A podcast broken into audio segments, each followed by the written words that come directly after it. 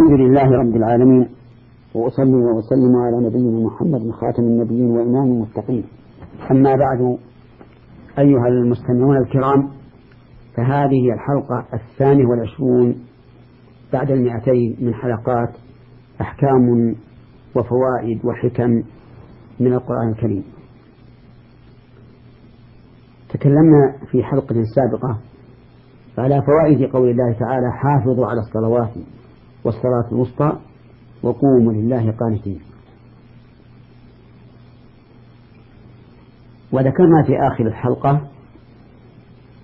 أن الكلام كلام الآدميين إذا وقع عن نسيان أو جهل فإنه لا يبطل الصلاة بل يستمر في صلاته ولا حرج عليه. ووعدنا بأننا سنذكر الدليل على هذا. والدليل على هذا نوعان عام وخاص. أما العام فقوله تبارك وتعالى ربنا لا تؤاخذنا إن نسينا أو أخطأنا فقال الله تعالى قد فعلت وقال الله تعالى وليس عليكم جناح فيما أخطأتم به ولكن ما تعمدت قلوبكم وهذا عام في كل محرم يفعله الإنسان عن جهل أو نسيان. فإنه لا يؤثر. لا يترتب عليه إثم ولا بطلان ولا فدية ولا كفارة. وأما الدليل الخاص وهي مسألة الكلام في الصلاة فإن معاذة بن الحكم رضي الله عنه دخل مع النبي صلى الله عليه وسلم في صلاته فعطس رجل من الجماعة فحمد الله. فقال له معاوية يرحمك الله. فرماه الناس بأبصارهم أي جعلوا ينظرون إليه منكرين عليه. فقال وفتل أمياه فجعل الصحابة يضربون على أفخاذهم يسكتونه فسكت. فلما انتهى من الصلاة دعاه النبي صلى الله عليه وعلى آله وسلم. قال معاوية فبأبي هو وأمي ما رأيت معلما أحسن تعليما منه. والله ما كهرني ولا نهرني وإنما قال إن هذه الصلاة لا يصلح فيها شيء من كلام الآدميين أو قال من كلام الناس وإنما التكبير والتسبيح وقراءة القرآن أو كما قال. ولم يأمره النبي صلى الله عليه وعلى آله وسلم بالإعادة. ولو كان كلام من الجاهل مبتلى للصلاة لأمره بالإعادة. كما أمر الرجل الذي جعل يصلي ولا يطمئن وهو جاهل أمره أن يعيد الصلاة. فقد دخل رجل والنبي صلى الله عليه وعلى آله وسلم في أصحابه في المسجد فصلى صلاة لا يطمئن فيها. ثم جاء فسلم على النبي صلى الله عليه وعلى آله وسلم فرد السلام وقال ارجع فصل فإنك لم تصل. فرجع الرجل فصلى كصلاة الأولى. ثم جاء فسلم على النبي صلى الله عليه وعلى آله وسلم فقال له ارجع فصل فإنك لم تصل. في الثالثة قال والذي بعثك بالحق لا أحسن غير هذا فعلمني. فعلمه النبي صلى الله عليه وعلى آله وسلم وقال إذا قمت إلى الصلاة فأسبغ الوضوء ثم استقبل القبلة فكبر ثم اقرأ ما تيسر معك من القرآن ثم اركع حتى تطمئن راكعا ثم ارفع حتى تعتدل قائما ثم اسجد حتى تطمئن ساجدا ثم ارفع حتى تطمئن جالسا ثم اسجد حتى تطمئن ساجدا ثم افعل ذلك في صلاتك كلها. وفي لفظ في غير الصحيحين بعد الركوع قال ثم ارفع حتى تطمئن قائما. فأمره أن يعيد الصلاة وهو لا يحسن لا يدري. لكن معاوية بن حكم لم يأمره النبي صلى الله عليه وسلم أن يعيد الصلاة لأنه لم يخل بمأمور ولكنه فعل محظورا وكل من فعل محظورا ناسا أو جاهلا فليس عليه إثم ولا يترتب عليه حكم. ثم قال الله تبارك وتعالى فإن خفتم فرجالا أو ركبانا فإذا أمنتم فاذكروا الله كما علمكم ما لم تكونوا تعلمون. إن خفتم يعني إن حصل لكم خوف في الصلاة قانتين إلى آخره ففي هذه الآية فوائد. منها تيسير الشريعة الإسلامية. وأنها في هذه العبادة العظيمة إذا خيف من بعض واجباتها أن يقع فيه حرج فإنه يعفى عنه. ومن فوائدها جواز الصلاة حال الهروب من العدو ولو كان الإنسان راجلا مع أنه في هذه الحال سيحصل له حركة كثيرة.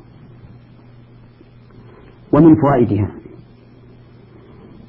سقوط استقبال القبلة في هذه الحال في حال الخوف. فيتجه حيث كان منجاته. فيتجه حيث كانت منجاته سواء كانت القبلة أمامه أو عن يمينه أو عن يساره أو خلف ظهره ومن فوائد الآية الكريمة أن أهم الشروط محافظة عليه هو الوقت. ولهذا أمر الله تعالى أن يصلي الإنسان في الوقت على أي حال كان. وإلا لا كنا نقول إن خفت فأجل الصلاة إلى الأمن.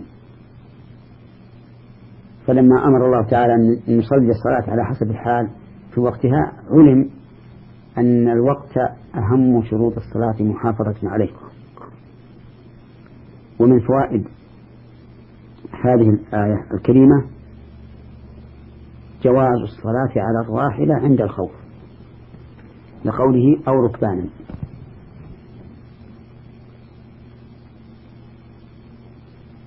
فأما إذا لم يكن خوف فإن الفريضة لا تصح على الراحلة. لأنه لا يتمكن من القيام ولا من السجود ولا من الركوع إلا بالإيمان. لكن يستثنى من ذلك الخائف كما هنا. ويستثنى أيضا النفل في السفر.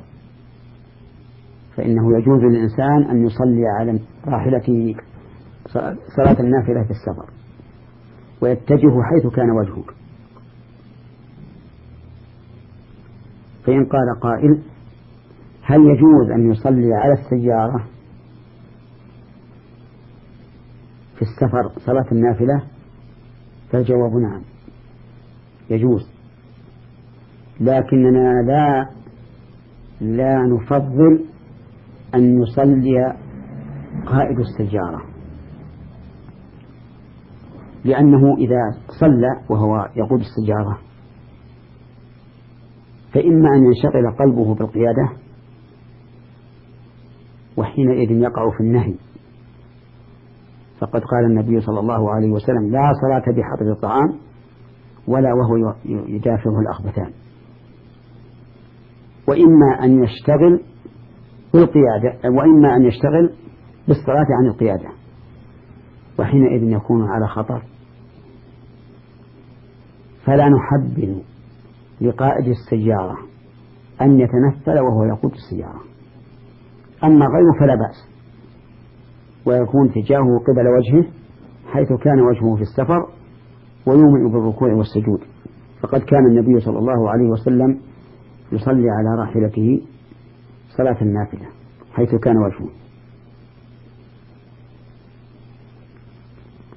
ومن فوائد هذه الآية الكريمة أن الحكم يدور مع علته وجودا وعدما. فما دام سبب الحكم باقيا فالحكم باق. وإذا زال السبب زال الحكم. لقوله تعالى فإذا أمنتم فاذكروا الله كما علمكم ما لم تكونوا تعلمون. وهذا أصل متفق عليه أن الحكم يدور مع علته وجودا وعدما. ومن فوائد الآية الكريمة أن الصلاة ذكر لقوله تعالى فاذكروا الله. ولهذا ينهى العبد أن يصلي وقلبه مشغول. لأنه إذا صلى وقلبه مشغول صار ذكره لربه ذكرا ظاهريا فقط بالجوارح دون القلب. والذكر النافع للعبد هو ذكر القلب. مع ما يشترط له من متابعة الجوارح للقلب. بقول الله تعالى ولا تطع من أغفلنا قلبه عن ذكرنا واتبع هواه. وكان أمره فرطا ولم يقل تبارك وتعالى من أمسكنا لسانه أو جوارحه عن ذكرنا. من أغفلنا. فتمام الذكر بلا شك يكون بذكر القلب. وإذا خلى عن ذكر القلب كان ناقصا جدا. ومن فوائد الآية الكريمة الإشارة إلى تذكر العبد نعمة الله عليه بالعلم بقوله كما علمكم ما لم تكونوا تعلمون. فلذلك نقول. إذا توضأت فاحمد الله تبارك وتعالى أن هداك للوضوء. ولولا أن الله بين الوضوء في كتابه وفي سنة رسوله صلى الله عليه وعلى آله وسلم ما ما فهمته ولا علمته. وكذلك يقال في الصلاة وغيرها من العبادات أن تذكر نعمة الله عليك حيث هداك لها. فكم فكم من أناس ضلوا عنها؟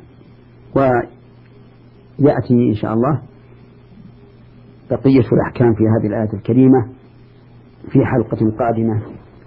والسلام عليكم ورحمة الله وبركاته.